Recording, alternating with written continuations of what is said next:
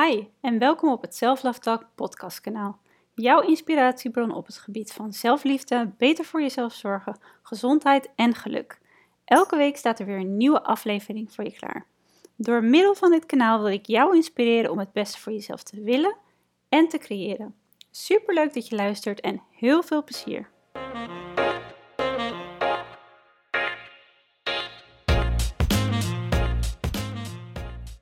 Deze Talk stel ik je voor aan Patricia Dijkma. Patricia is gespecialiseerd op menstruatie en hormoongebied en vertelt daarover in deze podcast ook veel meer. Zo gaan we in gesprek over anticonceptie en wat anticonceptie voor werking heeft op je lichaam. En wat ook inmiddels uit onderzoek is gebleken wat de negatieve effecten kunnen zijn van het gebruik van anticonceptie op dit moment op je lichaam en hoe je je voelt en op lange termijn.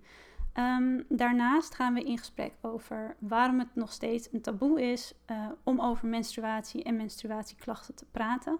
Waarom we het normaal vinden als vrouw om menstruatieklachten te hebben. Ik deel daarin ook mijn eigen persoonlijke ervaringen, hoe ik dit heb ervaren in het gebruik van de anticonceptiepil, zoals we die allemaal kennen, en het gebruik van de Mirena-spiraal die ik vier jaar gebruikt heb. Um, daarover geeft um, Patricia ook heel veel tips met hoe je zelf met uh, menstruatieklachten kan omgaan. Welke menstruatieklachten er heel vaak voorkomen, waar vrouwen langere tijd mee rondlopen. En ook wat het effect van het slikken van de anticonceptiepil daarop is. Heel interessant om te luisteren, zou ik ook zeker doen. Daarnaast is Patricia degene die in 2016 ervoor gezorgd heeft dat de Daisy naar Nederland gehaald werd en dus verkrijgbaar is.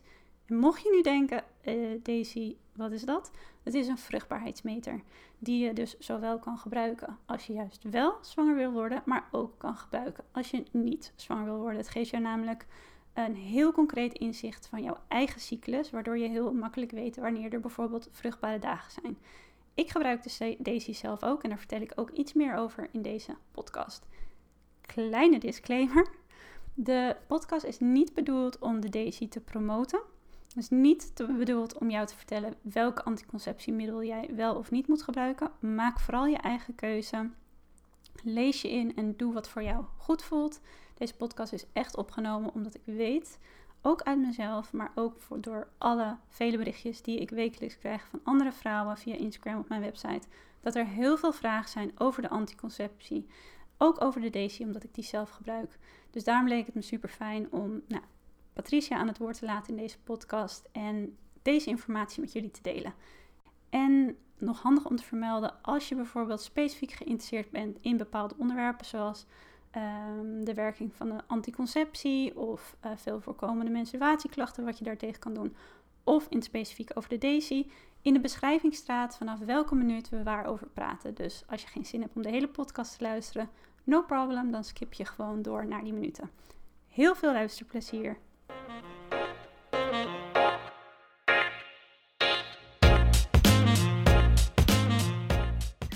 Hi, wat leuk dat je luistert naar een nieuwe Self Love Talk. Tijdens deze podcast ben ik niet alleen, maar ga ik in gesprek met Patricia Dijkma. Dus Patricia, welkom bij deze. Ja, dankjewel. Um, deze Self Love Talk staat helemaal in teken van vrouw zijn. Vrouw zijn. En dan specifiek de menstruele cyclus en uh, de menstruatiefase. En um, even een klein beetje achtergrondinformatie. Patricia en ik kennen elkaar sinds vorig jaar. En wij zijn met elkaar in contact gekomen omdat ik vanaf november vorig jaar, als ik het helemaal uit goed heb, over ben gestapt van het gebruik van de Milena-spiraal naar de Daisy. En over de Daisy, daar komen we straks nog eventjes op terug wat dat precies is. Maar als ik het goed omschrijf, is het een vruchtbaarheidsmeter. Die je dus kan gebruiken om niet zwanger te worden. Of juist als je wel zwanger wil worden. Um, en op de website, correct me if I'm wrong, had ik gelezen dat jij, Patricia, de Daisy in 2016 naar Nederland hebt gehaald. Want volgens mij was het daarvoor al, werd het al in andere landen heel veel gebruikt. En daarnaast ben jij expert op het gebied van menstruatie en hormoongebied. Maar goed, voordat ik jou misschien zelf helemaal voor ga stellen, is het misschien hartstikke leuk voor de mensen die luisteren. Als jij zelf even vertelt wie je bent, wat je doet en waar mensen je wellicht van kunnen kennen. Ja, nou, uh, dat is ook zo. In 2016 um, ehm, heb ik uh, gezorgd dat de Daisy ook voor de Nederlandse markt althans uh, te koop is. Dus vanaf toen ben ik gestart.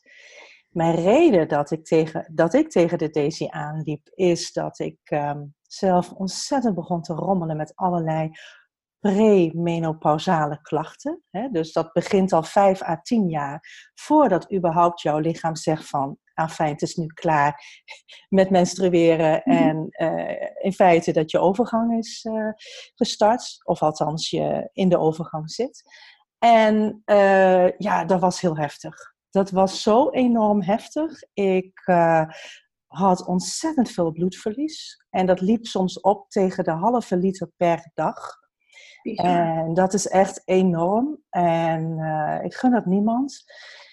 Maar tegelijkertijd was dat ook echt heel erg lastig om dat allemaal onder controle te krijgen. Plus natuurlijk, ik was totaal opgebrand. Ik had geen energie meer.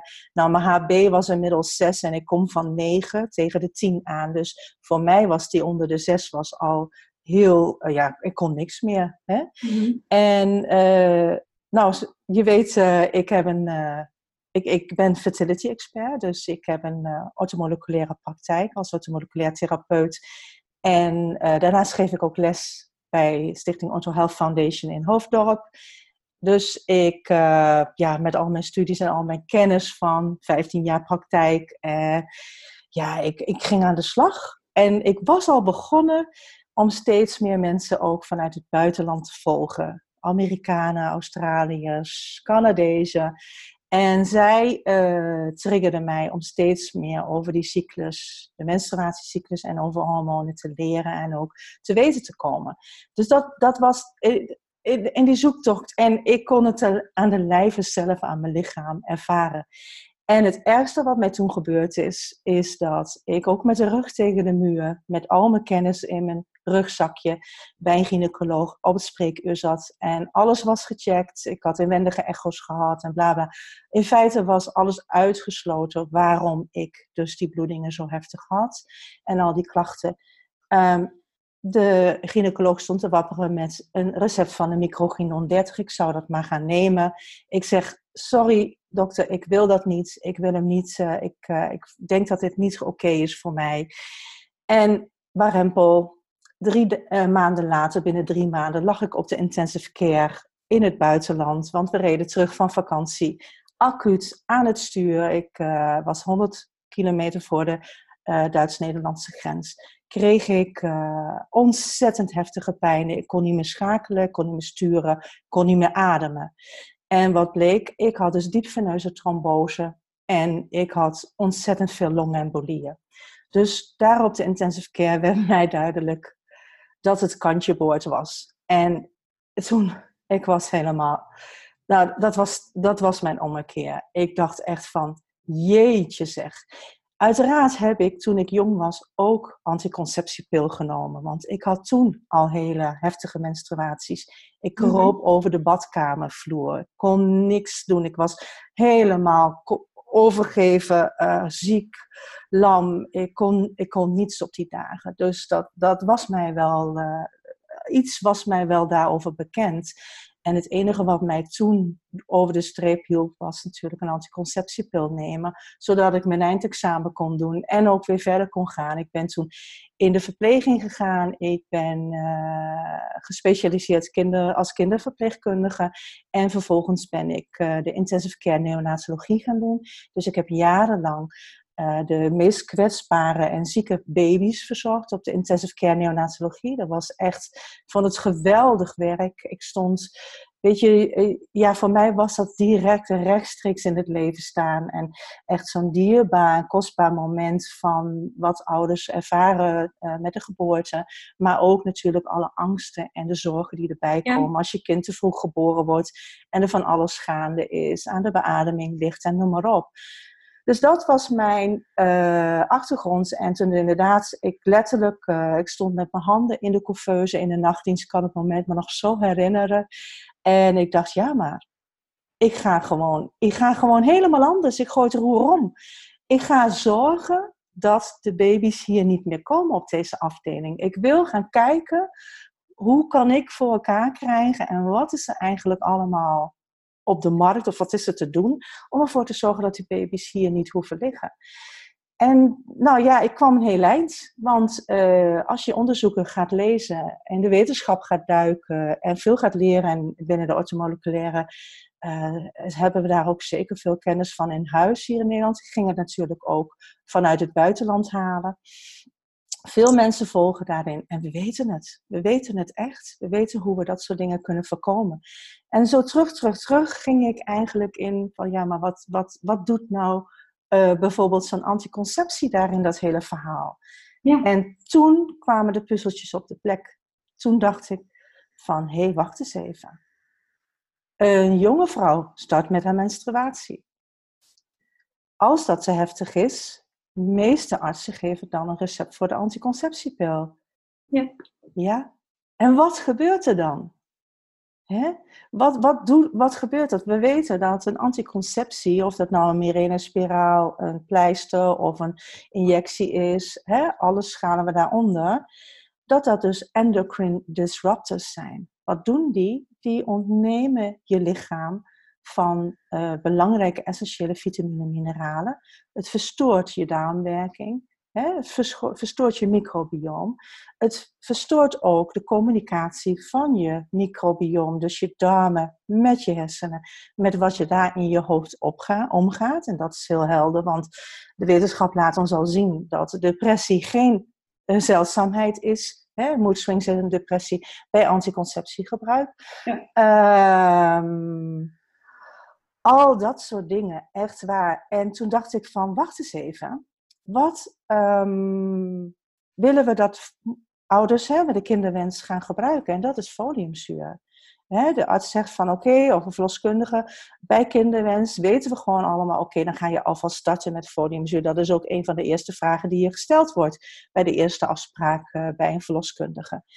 En wat doen we dan? We nemen de synthetische foliumzuur. We nemen dus gewoon een synthetische namaak foliumzuur, of als namaakversie.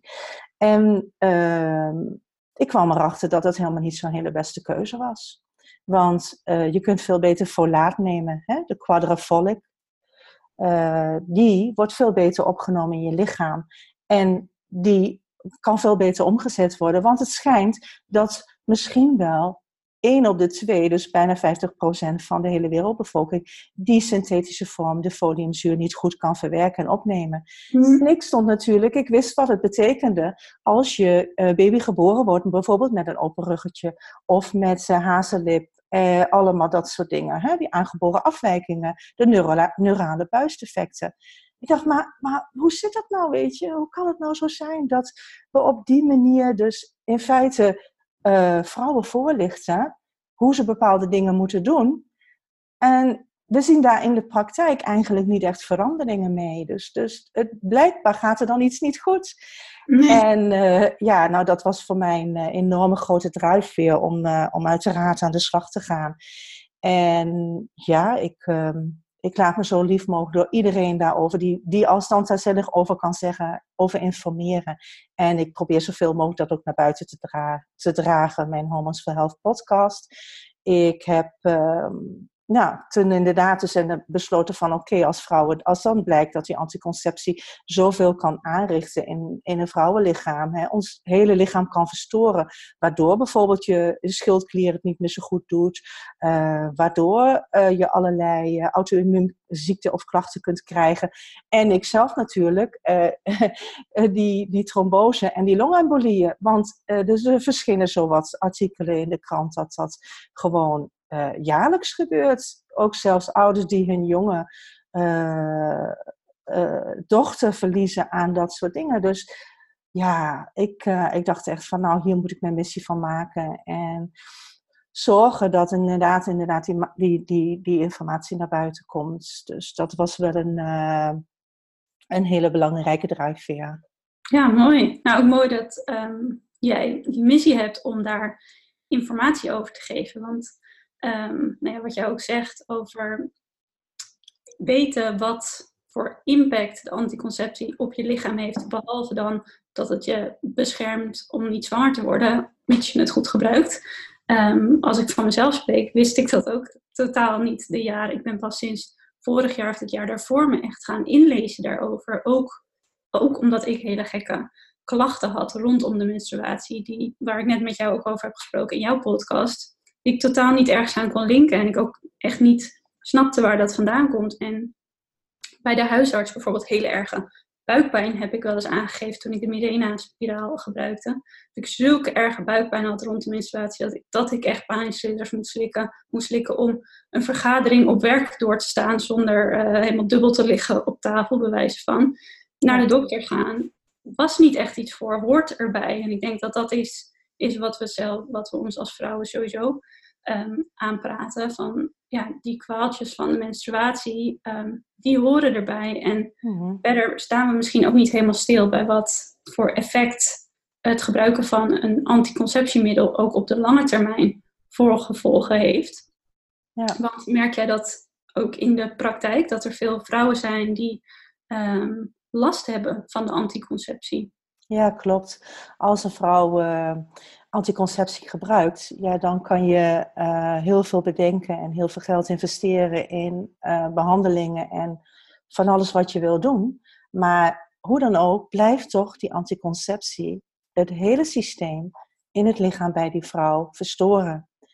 En het is eigenlijk de bedoeling, althans zo zie ik het, hè? ik vertel even hoe ik er naar kijk, dat um, A, menstruatiepijn en menstruatieklachten serieus genomen worden. Mhm. En die hebben uiteraard een hele andere oorzaak als van, oh meisje, hier heb je de anticonceptiepil en neem die maar een paar maanden en dan komt het wel goed. Zie? Dus uh, waar ik achter kwam, is dat uh, met name bijvoorbeeld magnesiumtekort, maar ook vitamine B12 tekort, wat ook weer gelinkt is aan het folaat, um, dat dat juist de factoren zijn die bij die vrouwen uh, moeilijk, uh, moeilijk is. Hè? De methylering verloopt moeilijker in het lichaam. Ze hebben mogelijk ook een genetisch component. We noemen dat de SNPs, dus de uh, genomic expression. Dus hoe jouw lichaam vanuit je genen en vanuit je SNPs de informatie op je genetisch materiaal capabel is. Of je überhaupt wel stofje A over kunt, om kunt zetten naar stofje B. En dan vervolgens kunt zorgen dat, dat het allemaal goede dingen in je lichaam gebeuren. En dat speelt ook een factor bij dit. Ik ben um, met, die, met die heftige menstruatiepijnen vroeger ook, hè, met tien en jaren, ja, ging ik naar de huisarts ook. Hè. Ik kreeg hele zware pijnstellers. Daar was ik echt van de wereld, letterlijk. En dat heb ik een aantal jaren zo volgehouden. Maar nu weet ik dat die zware pijnstillers ook zo dermate mijn hele levenfunctie en mijn capaciteit om überhaupt goed hormonen te kunnen maken, die, dat dat ook natuurlijk enorm verstoort. doe je dat jaar in jaar uit, menstruatie in, menstruatie uit, ja, dan heeft het wel degelijk. Dus wat is namelijk de root cause, uh, de oorspronkelijke oorzaak die eronder zit waarom die klachten er zijn, ja, dat zit hem natuurlijk in leefstijl, stressmanagement, zit hem in welke voeding en zit hem in tekorten met vitamine en mineralen. Maar dan moet je wel weten wat er gaande is. Dus wat ik gedaan heb, is mijn um, genetisch rapport. Aan de hand van slijmonderzoek kan je dus uh, bekijken van, nou, wat is dan voor, voor mij een belangrijke factor?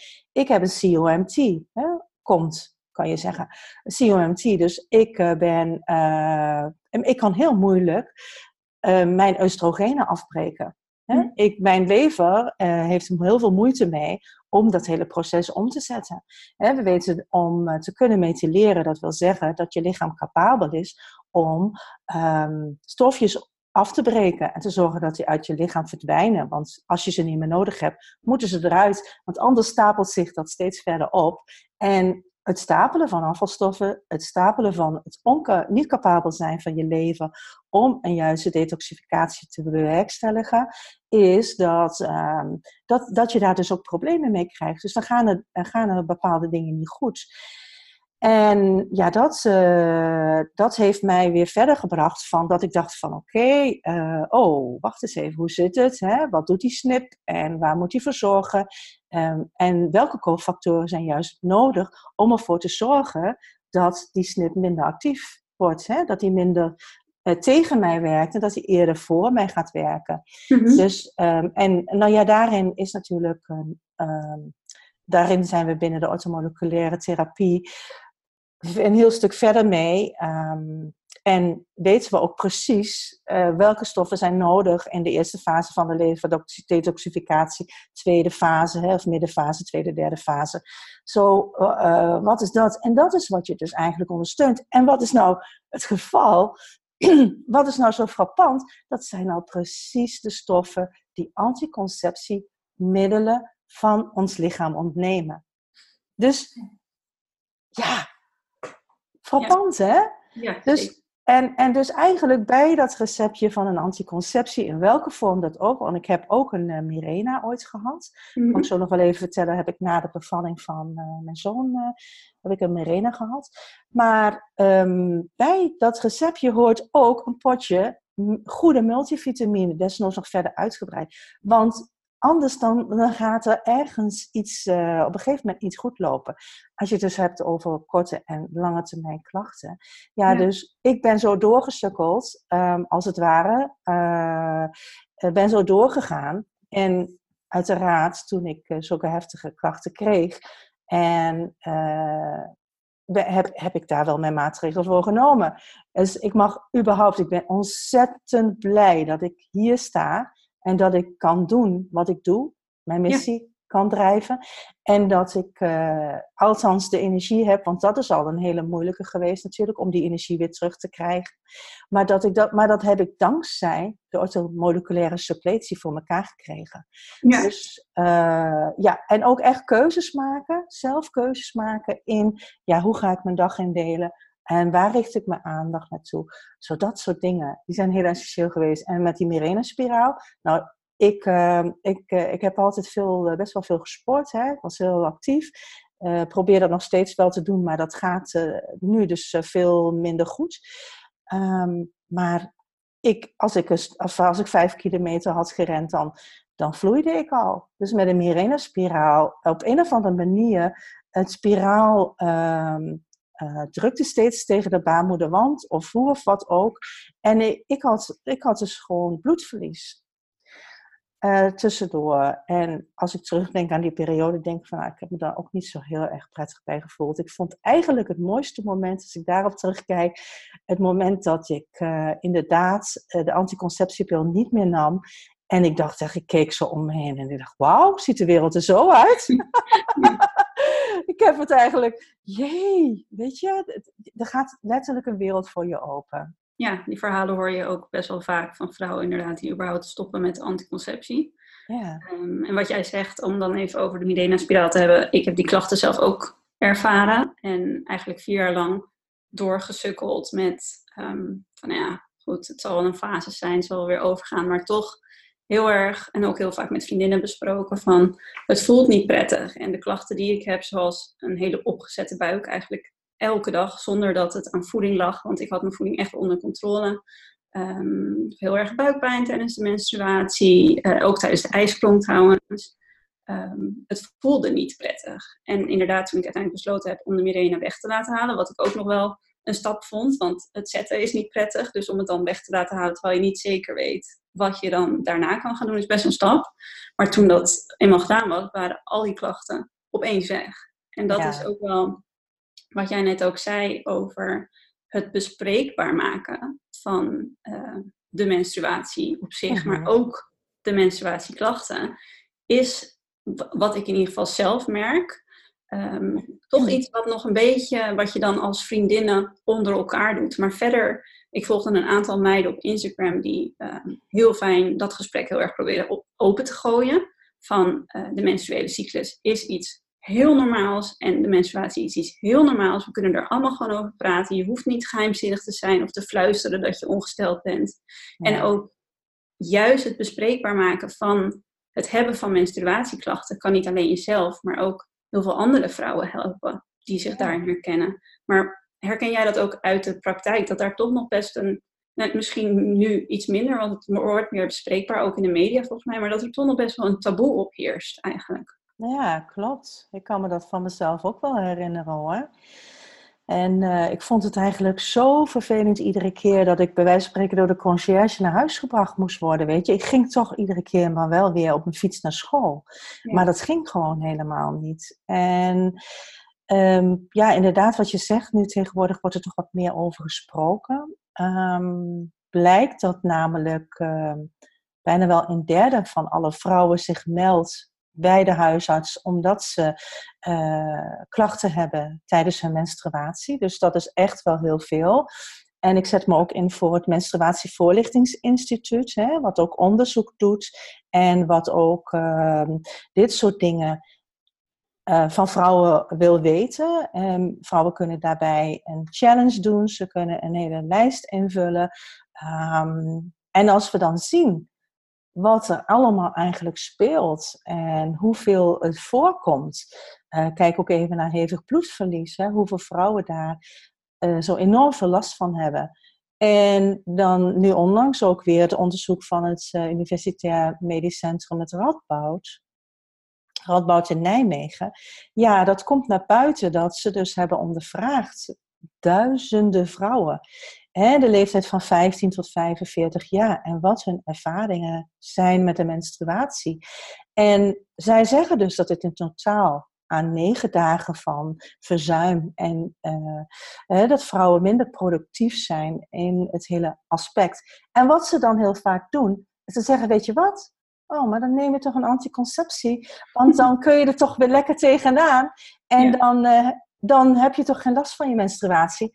Maar wat één ding is heel zeker, wat deze dokters niet in de gaten hebben en wat ze je ook niet zullen vertellen, is dat die anticonceptie je nog veel meer klachten kan bezorgen. En dat je daarmee dus niet de hoofdoorzaak van je klachten aanpakt. En um, ja, dat, dat het uiteraard natuurlijk helemaal je menstruatie niet fixt. Want uh, dat is toch helemaal van de gekke. Um, een anticonceptie blokkeert vanuit de hypofyse hypothalamus je hele menstruatiecyclus. Dus je uh, gaat niet meer overleren, bij wijze van spreken. Daardoor maak je dus ook uh, onvoldoende progesteron aan. En wat is er nou aan de hand met die progesteron? Progesteron is het hormoon wat ons juist veel meer energie moet geven. Progesteron zorgt dat wij veel betere breinfunctie hebben. Dat we assertief kunnen zijn. Hè? Uh, dat we uh, weer risico's durven te nemen. En ik zie het om me heen. Ik zie zoveel jonge vrouwen. En inderdaad, dat komt ook in de praktijk zo voor.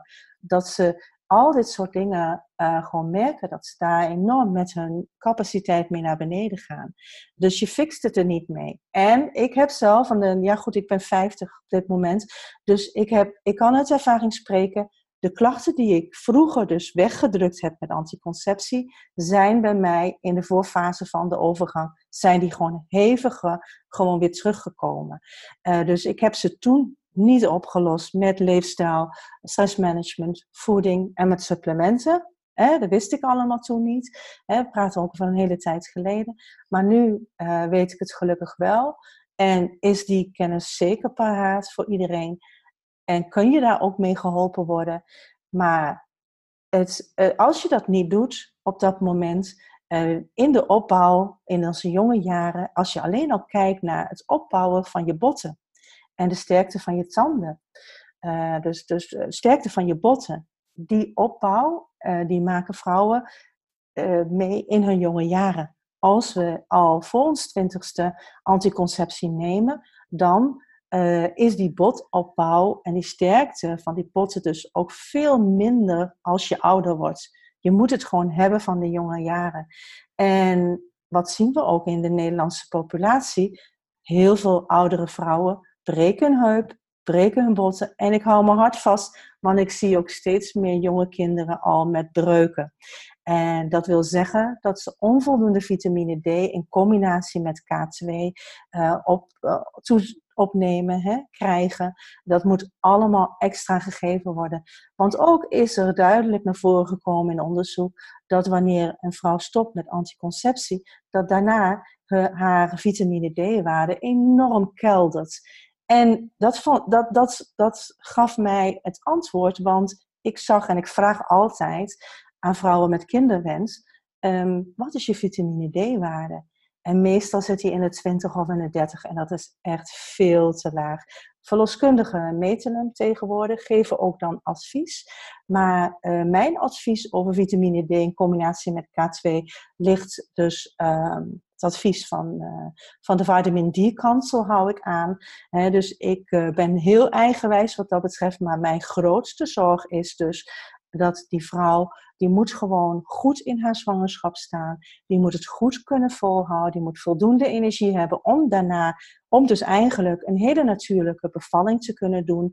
Die moet daarna ook als ze dat wil, maandenlang, liefst jarenlang borstvoeding kunnen geven. Maar dat kan alleen als we ervoor gaan zorgen dat die vrouwen ook zorgen voor voldoende aanvulling. En dat, uh, ja, die vitamine D schijnt dus enorm uh, laag te worden. En mijn verklaring daarvoor is, is op het moment dus, als jij, nou, als je zegt van oké, we zijn zover, de kinderwens, dus uh, anticonceptie gaat, gaat de deur uit. En nu moet je, moet je eigen lichaam weer gaan praten. Die moet dus weer gaan een cyclus gaan produceren.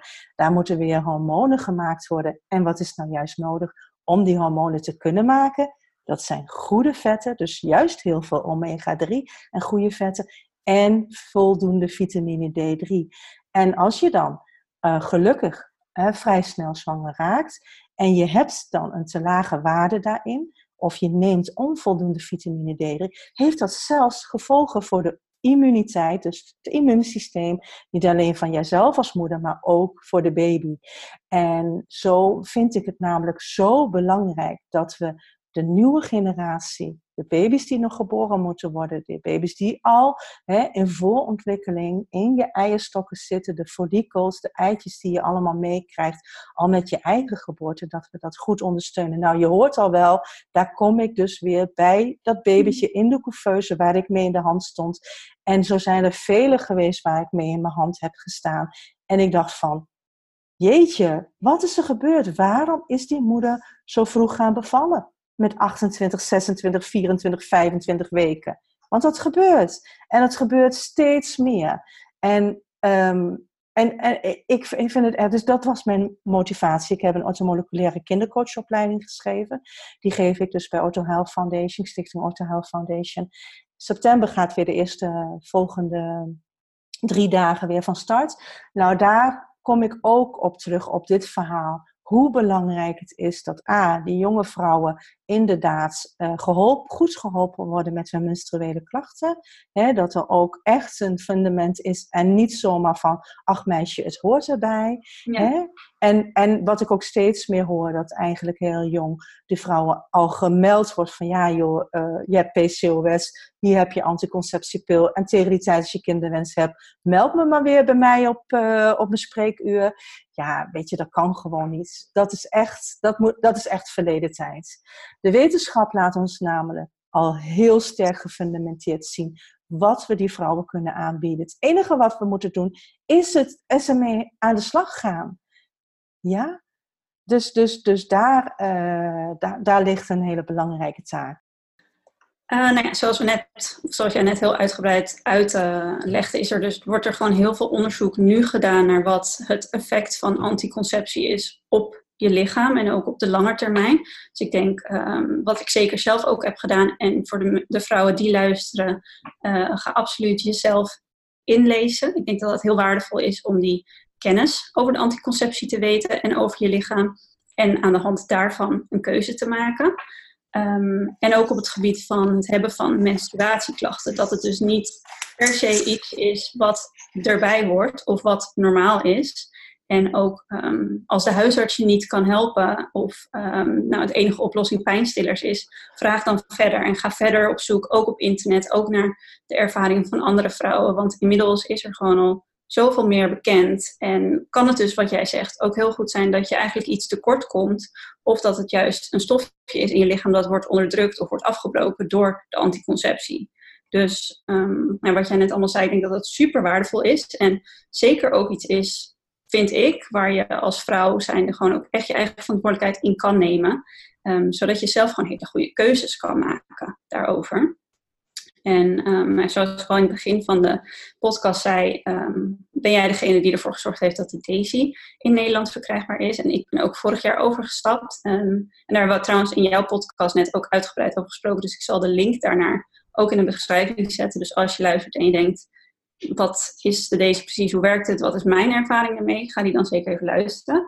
Ehm, maar zou jij iets meer kunnen vertellen over wat de Daisy is? Want als je dus niet meer de anticonceptie wil gebruiken, in welke vorm dan ook, dus een spiraal of een pil of een injectie, wat jij ook al zei, dan kan de Daisy dus een optie zijn. Maar voor de mensen die luisteren en die hebben echt geen idee wat de Daisy is, zou jij mhm. iets meer daar kunnen vertellen over wat het is?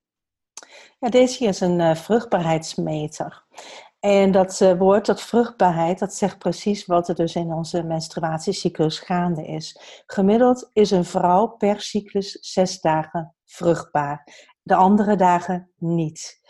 Uh, dus daar begint het al. Hè? We moeten dus weten hoe onze natuurlijke menstruatiecyclus in elkaar zit. Welke verschillende fases daar we, dat we daarin doorlopen. En deze kan je dus helpen daarbij om te detecteren in welke fase je zit. Letterlijk geeft ze aan per dag aan de hand van jouw basale lichaamstemperatuur. Dus je moet ochtends, zo gauw je ogen open doet, voordat je je bed uitgaat, na minimaal drie uur slapen. Want je kunt al met heel weinig slaap toch al uh, meten met de Daisy. Maar stel je hebt gewoon een nacht van 7 à 8 uur slapen. Je wilt uh, opstaan om naar het toilet te gaan. Eerst even temperaturen. Uh, je zet de Daisy aan. Je legt ze onder de tong. Hè, want het is een temperatuurmeting onder de tong. Een tong de tong thermometer voor die op de Daisy zit, is zeer accuraat. Je kan heel goed scherp uh, meten wat jouw daadwerkelijke lichaamstemperatuur is. Hè, de basale lichaamstemperatuur is namelijk een graadmeter um, waar wij in onze hormonen zitten. Dus in waar wij in onze cyclus zijn.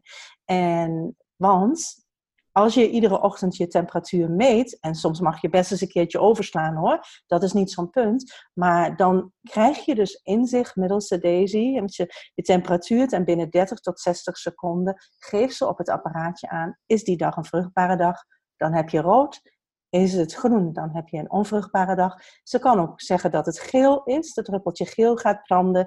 En dat wil zeggen dat Daisy detecteert een verandering in jouw cyclus. Dus ze kan ook heel goed detecteren, hey, loopt het nu anders als vorige maand? Uh, of is, de, is er iets waar, uh, waarvan je even eh, alert, op alert moet zijn. Dus dat laat ze zien. Of ze zit nog in een leerfase, of ze valt weer terug in een leerfase. Als je bijvoorbeeld te weinig metingen hebt gedaan, zoals ze automatisch weer in een leerfase komt, komen totdat ze voldoende metingen van je heeft om weer accuraat aan te geven welke kleur, dus die rode of groene. Um, dus dat is de informatie die je direct hebt dat is klaar. Je legt het, deze weer aan de kant voor de volgende ochtend. En het mooie is dat we tegenwoordig werken met de DaisyView app. Dus dat is een app speciaal die runt op een aparte server voor de Daisy. En de Daisy heeft Bluetooth. Uh, dus die kan, je kunt met Bluetooth-verbinding kun je de metingen die je gedaan hebt met de Daisy om de zoveel tijd, net wat je zelf leuk vindt en wat je zelf wilt, kun je dus synchroniseren naar de app. En dan krijg je in de app krijg je dus je grafiek van de afgelopen maanden te zien, maar ook krijg je te zien van, hey, hoe ziet het er komende maand misschien uit? Hè? Uh, wanneer zal ongeveer mijn ovulatie zijn? Wanneer zullen ongeveer die vruchtbare dagen zijn? Ze calculeert dus al die vijf vruchtbare dagen voor een ovulatie al. Dus die krijg je al rood. Dat weten we omdat sperma dus maximaal vijf dagen kan overleven in de baarmoeder eierstokken. dus heb je geslachtsgemeenschap in die dagen, dan weet je al, ben je gewaarschuwd door de Daisy. Het is een rode dag, dus gebruik wel uh, je maatregelen. Het is dus verstandig om dan als je niet zwanger wilt worden, ervoor te kiezen om met condooms te vrijen of een Kaya uh, te gebruiken. Of bedenk wat anders. Mhm. Eh, die dagen dat je vruchtbaar bent. En wanneer ze groen geeft, die onvruchtbare dagen, dat wil zeggen dat deze met een accuratie, het algoritme wat in het apparaatje is ingebouwd, heeft namelijk een betrouwbaarheid van boven de 99% om aan te geven dat je weer groen bent. En hoe doet ze dat? Nou, heel simpel. Met de ovulatie stijgt, of na de ovulatie stijgt jouw basale lichaamstemperatuur stijgt iets. Dat komt omdat je uh, follikel uh, progesteron maakt. Progesteron is het hormoon wat ervoor zorgt dat iets jouw vaten in je lichaam ietsjes wijder worden. Hè? Dus, dus, um, en nee, sorry, iets nauwer worden, waardoor de lichaamstemperatuur dus iets wat stijgt. En daarom is het meten van de basale lichaamstemperatuur zo betrouwbaar. En dat is niet iets nieuws. Uh, hè? De DESI is al meer dan 30 jaar op de markt. Of althans, de voorlopers ook al daarvan. Cycluscomputers worden al, ja, die, die, die zijn al uh, ontwikkeld al uh, meer dan 30 jaar geleden. En van de DESI hebben we inmiddels al meer dan 500.000 gebruikers. wereldwijd in 40 landen. En dat groeit enorm. Ik bedoel, uh, vrouwen zien nu in en horen het van anderen en zien nu in dat ze dus op een hele veilige manier hun natuurlijke cyclus kunnen volgen. En dan als je dat dus zet ten opzichte van de andere methodes, ja, dan, dan doet deze daar niet veel meer onder. Het is ook zo dat als jij, wat ik al zei, als je uh, dus een aantal metingen vergeten nemen, hè, of je bent minder trouw daarin, dan zal de Daisy automatisch op geel staan. En dan krijg je nooit zomaar groen. Wat ik ook heel vaak als vraag krijg, ja, maar als ik een keertje koorts heb, dan heb ik hè, een, hogere, een hogere basale lichaamstemperatuur. Nou, een koortstemperatuur is nooit een ovulatietemperatuur. Dus dat zal niet zo 1, 2, 3 door deze gecalculeerd worden als spontane ovulatie, waardoor jouw hele hè, kleuraanduiding of je hele cyclus verandert.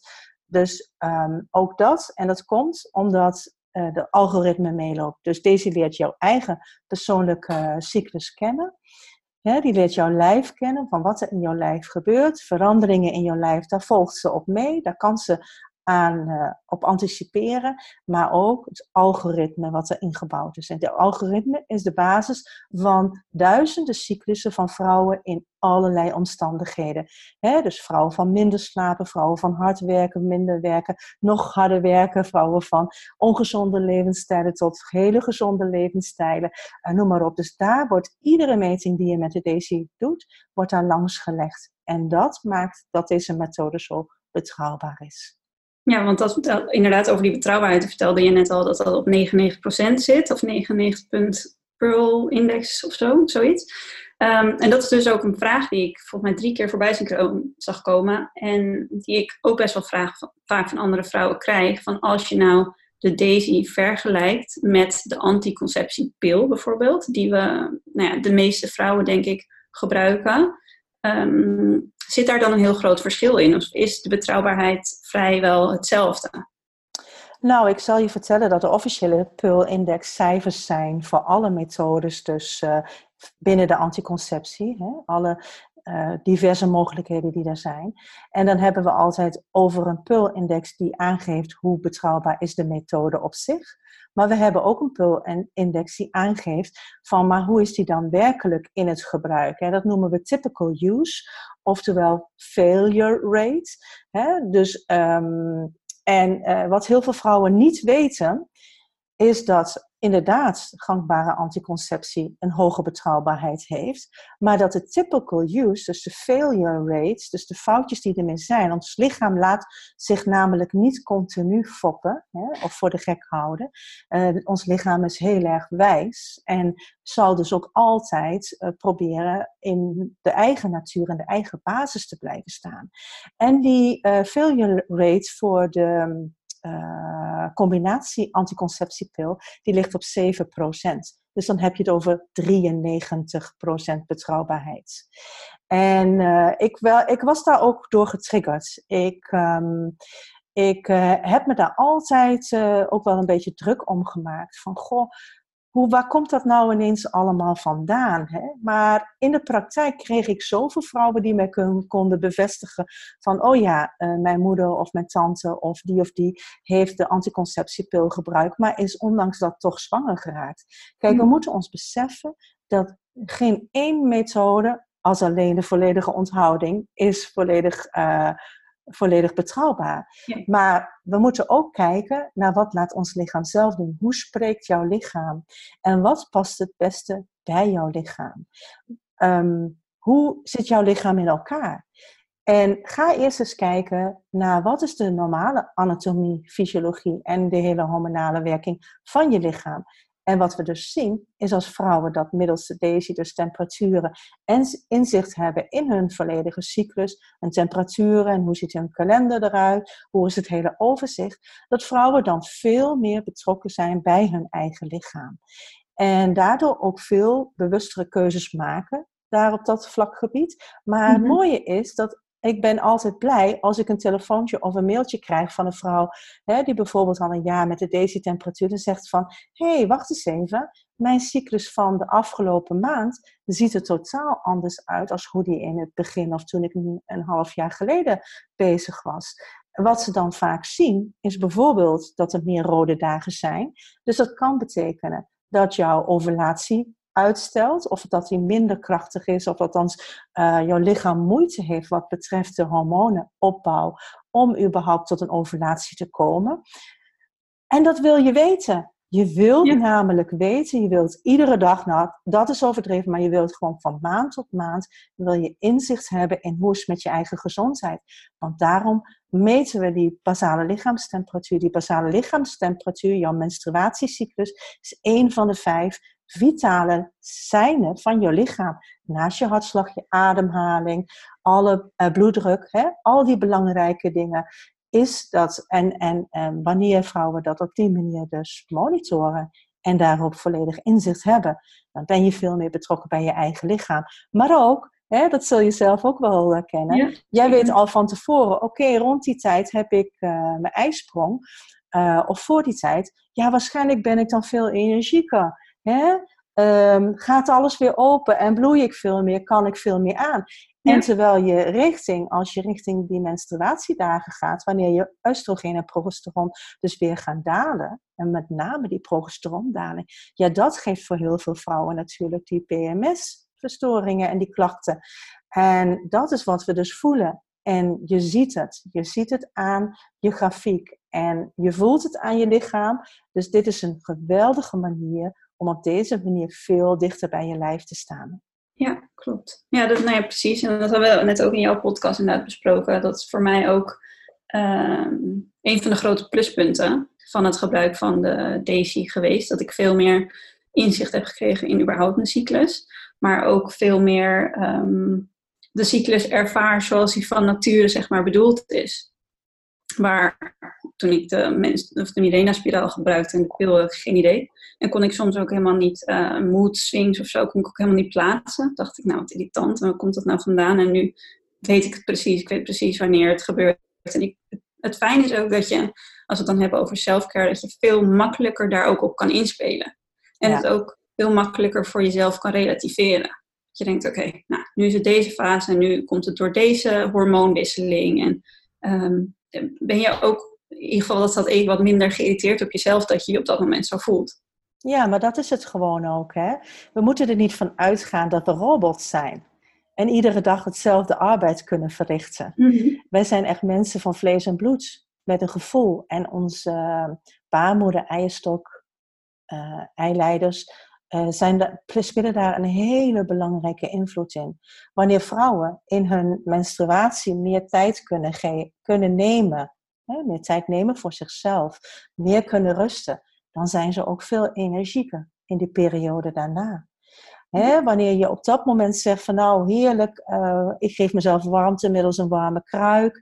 Ik doe wat aan uh, meditatie, ik doe wat aan ademhalingsoefeningen. Ik zorg goed voor mezelf. Ik neem voedsel wat me lekker verwarmt. Lekkere warme groentesoep, een lekkere warme ja, bouillon. Hè? Denk even aan, aan gewoon een kippenbouillon bijvoorbeeld. Die je zelf gewoon lekker in de krokpot stout. Eh, de, de, de kippen bouwt. En je, je hebt daar een heerlijke bouillon. Kippenbouillon van nou, dat zijn de dingen die je body voeden. Dat, dat voedt je lichaam. En dat geeft je zoveel meer kracht. En door puur door het luisteren naar je eigen lichaam, gaan wij vrouwen nog veel sterker worden. Gaan, wij, gaan wij ons pure zelf laten zien. Kunnen we ons veel meer ook onszelf daadwerkelijk zijn. Want er is, er is gewoon een verschil. Mannen kun je niet tot vrouwen ombouwen in de zin, ja, wacht even, ik zeg even iets heel geks, maar dat bedoel ik niet. Maar vrouwen zijn vrouwen met hun eigen vrouwendingen en mannen zijn anders. Daarom is er ook een verschil tussen de hormonale huishouding. Hè? Mm Wij hebben ook wat testosteron. Maar dat beetje testosteron kunnen we dus heel goed gebruiken rond die ijsprong. En als we daar te veel van maken van de mannelijke hormonen, ja, dan zit je dus weer met een issue wat we vaak PCOS noemen. Hè, met mhm. allerlei klachten, met, met haargroei op plekken waar je het absoluut niet wil hebben. Hè. En de, de, de anticonceptiepil kan daar dus allemaal heel erg invloed op hebben, neem ik aan. Ja, wat het doet is dat het chemische stoffen zijn. Het zijn absoluut niet de hormonen die jij zelf maakt. Het zijn chemische um, verbindingen. Verbindingen zijn ook anders. Dus ons lichaam kan er, gaat er ook heel anders mee om. En een chemische stof is een hormoon wat nagebouwd is. Dat gaat op onze receptoren zitten, van onze daadwerkelijke receptoren, hè, die we overal in ons lichaam hebben. In de hersenen, in je, in je organen, je hart en je spieren. Uh, en daar uh, zorgt het namelijk voor dat ons eigen natuurlijke systeem zijn werk niet kan doen. Dus het kaapt als het ware die receptoren van ons af. Het gaat daar ergens al, uh, de bootje wat aan een haven, in een haven gaat liggen en die plek is bezet. Dus daar kan geen andere boot meer hm. in, naar binnen varen. Dus dat is wat er gebeurt. En dat geeft uiteraard verstoring in je hele lichaam. Het vervelende is ook dat we zien na het staken van anticonceptie dat vrouwen dan nog steeds allerlei klachten hebben. Hè? Dat noemen we uh, post-birth control syndrome. Hè? Het, uh, de klachten dus na het gebruik van anticonceptie. En wil niet zeggen dat dat niet kan gebeuren na een Mirena-spiraal. Uh, hè? Want je snapt dat als je een spiraal in je baarmoeder hebt, je baarmoeder wordt dagelijks gevoed van voedingsstoffen en alles. Hè? Want anders zouden we nooit zwanger kunnen worden uh, en zwanger kunnen blijven om een baby te voeden. Die wordt ook via de placenta en de navelstreng streng gevoed vanuit de baarmoederwand. Dus ook uh, die baarmoederwand krijgt alle voedingsstoffen. Want als jij iets eet, dat komt ook bij je baby. Dus andersom, een Mirena-spiraal in je baarmoeder die komt natuurlijk, die hormonen komen ook helemaal door je lichaam heen. Ik bedoel, het is een fabeltje om te zeggen, ja, maar weet je, dat is maar zo weinig, of dat komt niet verder door je hele lichaam heen. Als dat het niet zou doen, dan zou het niet eens een anticonceptie kunnen zijn. Ja, maar dat is wel misleidend, want daar, volgens mij zijn nu echt die onderzoeken glashard naar buiten gebracht van het is wel degelijk, Mirena-spiraal heeft wel degelijk effect op hoe je je geestelijk voelt of de rest van je lichaam. En volgens mij toen ik dus Mirena uh, ging gebruiken, ruim vier jaar geleden, werd er echt nog echt gezegd van het heeft verder geen effect. Het is letterlijk alleen om een zwangerschap te voorkomen en van de hormonen heb je verder geen last. Dat gebeurt nog steeds, vandaag de dag nog steeds. Ja. Ja, en zelfs een koperspiraal. Uh, koper is, uh, daar de tegenpool van is zink. En zink is een stof, het mineraal die we nodig hebben om goed vruchtbaar te blijven. Bij een bevruchting komt zinkvrij. Dus waarom zou je als vrouw jaar in jaar uit een koperspiraal gebruiken die ervoor kan zorgen dat je zinkniveau naar beneden gaat, waardoor je mogelijk dan problemen hebt met je vruchtbaarheid. Ja. En uiteraard ook met je immuunsysteem, want zink is ook nodig om een goed gezond immuunsysteem te hebben. Ja. En de verkouden te zijn en dat soort dingen. Want daarom zeggen we ook de vitamine A tot zink. Hè? Want die heb je nodig in de winter. Ja, ja, maar als je gewoon even heel simpel, weet je, ik, ik heb me eraan gewend om gewoon eens na te denken. En gewoon heel simpel, hoe zit die anatomie en fysiologie in elkaar? En dat is ook wat ik toen al natuurlijk al geleerd heb uh, als verpleegkundige. Hoe werkt het lichaam en waar is het voor bedoeld? Ja, dan denk je bij jezelf, maar hallo, moet ik dan wel werkelijk geloven wat er allemaal zomaar gezegd wordt? Ja, en Waar, waar, wij dus als, als vrouwen eigenlijk mee misleid worden. Hè? Want dat uh, geeft ons niet de aanleiding om te zeggen van, oh, dan wil ik er wel eens even induiken en kijken hoe het daadwerkelijk is. Nee, want ja, je kunt niet zwanger worden, dus het probleem is opgelost. Ja. Maar ja, ik, ik pleit altijd voor die informed consent. Ik vind het zo belangrijk. Bij alles wat je in je lichaam laat gebeuren en aan je lichaam laat doen, of wat je erin stopt. Ik bedoel, in de winkel kijk je ook op de verpakkingen. Van wat zit er in, je, in, in wat je wil kopen in de supermarkt of waar ook. Hè? Dus dat is. En dan moeten we voor alles doen. alles wat er naar binnen komt, hè, want daar, daar noemen we het endocrine disruptors. Hè, net als alles wat we op ons lichaam smeren, gebruiken aan deodorant, noem maar op. Alles komt daadwerkelijk naar binnen. En even nog over dat koperspiraaltje. Het zit, er zit een vreemd lichaam in je baarmoeder. En hoe dan ook, geeft het dus reactie op die baarmoeder. Want hetzelfde wat mij gebeurde met die Mirena, dat ik steeds maar bleef vloeien als ik uh, inderdaad ging sporten. Uh, laaggradige ontsteking, dus inflammatie, is dan dus iets waar je over praat. En je kunt je afvragen of we daar goed mee doen. Want inflammatie in al die organen in ons lichaam geeft uiteraard weer naar de nervus vagus, de hersenzenuw die van de hersenen naar onze organen communiceert, maar ook andersom de informatie doorgeeft naar de bovenkamer. Die geeft informatie af. En juist een goed functionerend uh, nervus vagus systeem, dus ons uh, parasympathische zenuwstelselsysteem, uh, is heel belangrijk. En andersom kan die inflammatie daar dus verstoring aan geven. Want de nervus vagus zal altijd proberen om ontstekingsremmend te werken. Terwijl mhm. alles wat wij dus eigenlijk maar in ons lichaam toelaten, dat wel eens een ontsteking kan uitlokken. Dus zonder dat je het weet, heb je dan in feite uh, continu uh, vormen van ontstekingsprikkelingen. En dat willen we niet, want uh, dat is kan beschadigingen opleveren aan je zenuwstelsel. Dus ook aan de neuro neuronen, de gliacellen ook uh, van ons brein. En daarom uh, kan het zijn dat je minder geconcentreerd bent, minder goed uh, alert, hè, focussen, nadenken, allemaal van dat soort dingen. Dus daarin zit ook wat jij zei, ook die relatie en het onderzoek over die depressie en die moedswings. Daarin zit een hele grote vertaling in wat er dus in feite gebeurt. En uh, daarom is het ook zo fijn als je in feite kunt gaan werken met je lichaam. En um, dus zorgen dat jouw nervus vagus ook uh, doet wat hij moet doen. En een hele mooie tip wil ik daarin meegeven, is misschien wel interessant ook voor, uh, voor de luisteraars.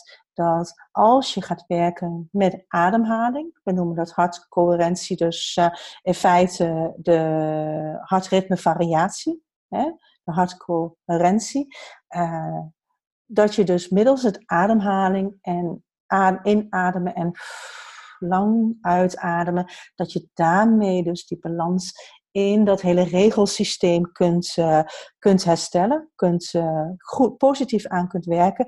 En dat heeft direct voordelen voor je hormonale systeem, voor je spijsvertering en uiteraard ook voor je hele immuunsysteem. Dus uh, ja. Goeie tip. Nou, sowieso alles wat jij verteld hebt. Ik denk dat het um, ja, om de podcast hier maar bij af te ronden, want ik, ik vind het super interessant, dus ik kan zo nog twee uur door blijven kletsen. maar um, ik denk sowieso alles wat jij verteld hebt ook over, nou, zeker alle kennis die er nu steeds meer beschikbaar is over um, anticonceptie, wat voor effect het heeft, op lange termijn en korte termijn, uh, wat het kan doen met menstruatieklachten. Dat mensen die luisteren, of de vrouwen die luisteren, het echt denk ik een oproep is van um, verdiep je er eens in. Ga, er, ga eens kijken hoe jouw lichaam werkt, of je ergens tegenaan loopt. Um, of je nog steeds blij bent met uh, de anticonceptie die je gebruikt. Ben je er blij mee, dan is natuurlijk ook helemaal prima. Um, maar ik denk dat het wel mooi is om zeker met de kennis die we nu hebben, te kijken van, goh, past dit nog wel bij mij? En um, even om af te sluiten, voor, oh, met betrekking tot de Daisy, mochten mensen nog vragen daarover hebben, hoe kunnen ze in contact komen met jou of een andere medewerker? Nou, Daisy heeft een hele mooie website, daisynederlands.com. info.daisynederland.com is de, het e-mailadres. We hebben op Instagram DaisyNL op Facebook Daisy Nederland. Overal te bereiken. en gewoon een telefoonnummer wat op de website staat. Ons e-mailadres staat er inderdaad ook op. Okay. Uh, meld aan voor de nieuwsbrief daarin. Ik uh, probeer zoveel mogelijk informatie ook. Daarom en ook mijn eigen podcast, de Hormones for Health podcast. Dus te delen met jullie om deze informatie uh, aan je te geven. ja, ja heel waardevol. Um, nou, dat is dus voor jou die luistert. Mocht je nog vragen hebben hierover, je mag zowel uh, Patricia zoals mezelf absoluut een berichtje sturen. Het kan via de e-mail, kan via Instagram. Maakt niet uit. Ik kan me namelijk voorstellen dat er iets is dat je gewoon wil delen, een ervaring of dat je een vraag hebt. Dus hou jezelf vooral niet tegen daarin. Ehm, Patricia, ik wil jou bedanken voor deze podcast. Ik vond het heel fijn om dit onderwerp bespreekbaar te maken en om nou, gewoon meer kennis hierover te delen. Want zoals jij zegt, het is super belangrijk uh, dat dat wordt gedaan. Nou, Merel, jij ook ontzettend bedankt. Was me erg, uh, ik vond het echt gezellig met je. Leuk, leuk, ik ook. Um, nou, dan um, voor de luisteraars. Ik, vond, ik hoop dat je het leuk vond om te luisteren. En ik zie je heel graag terug bij een volgende Self Tot de volgende keer. Bye.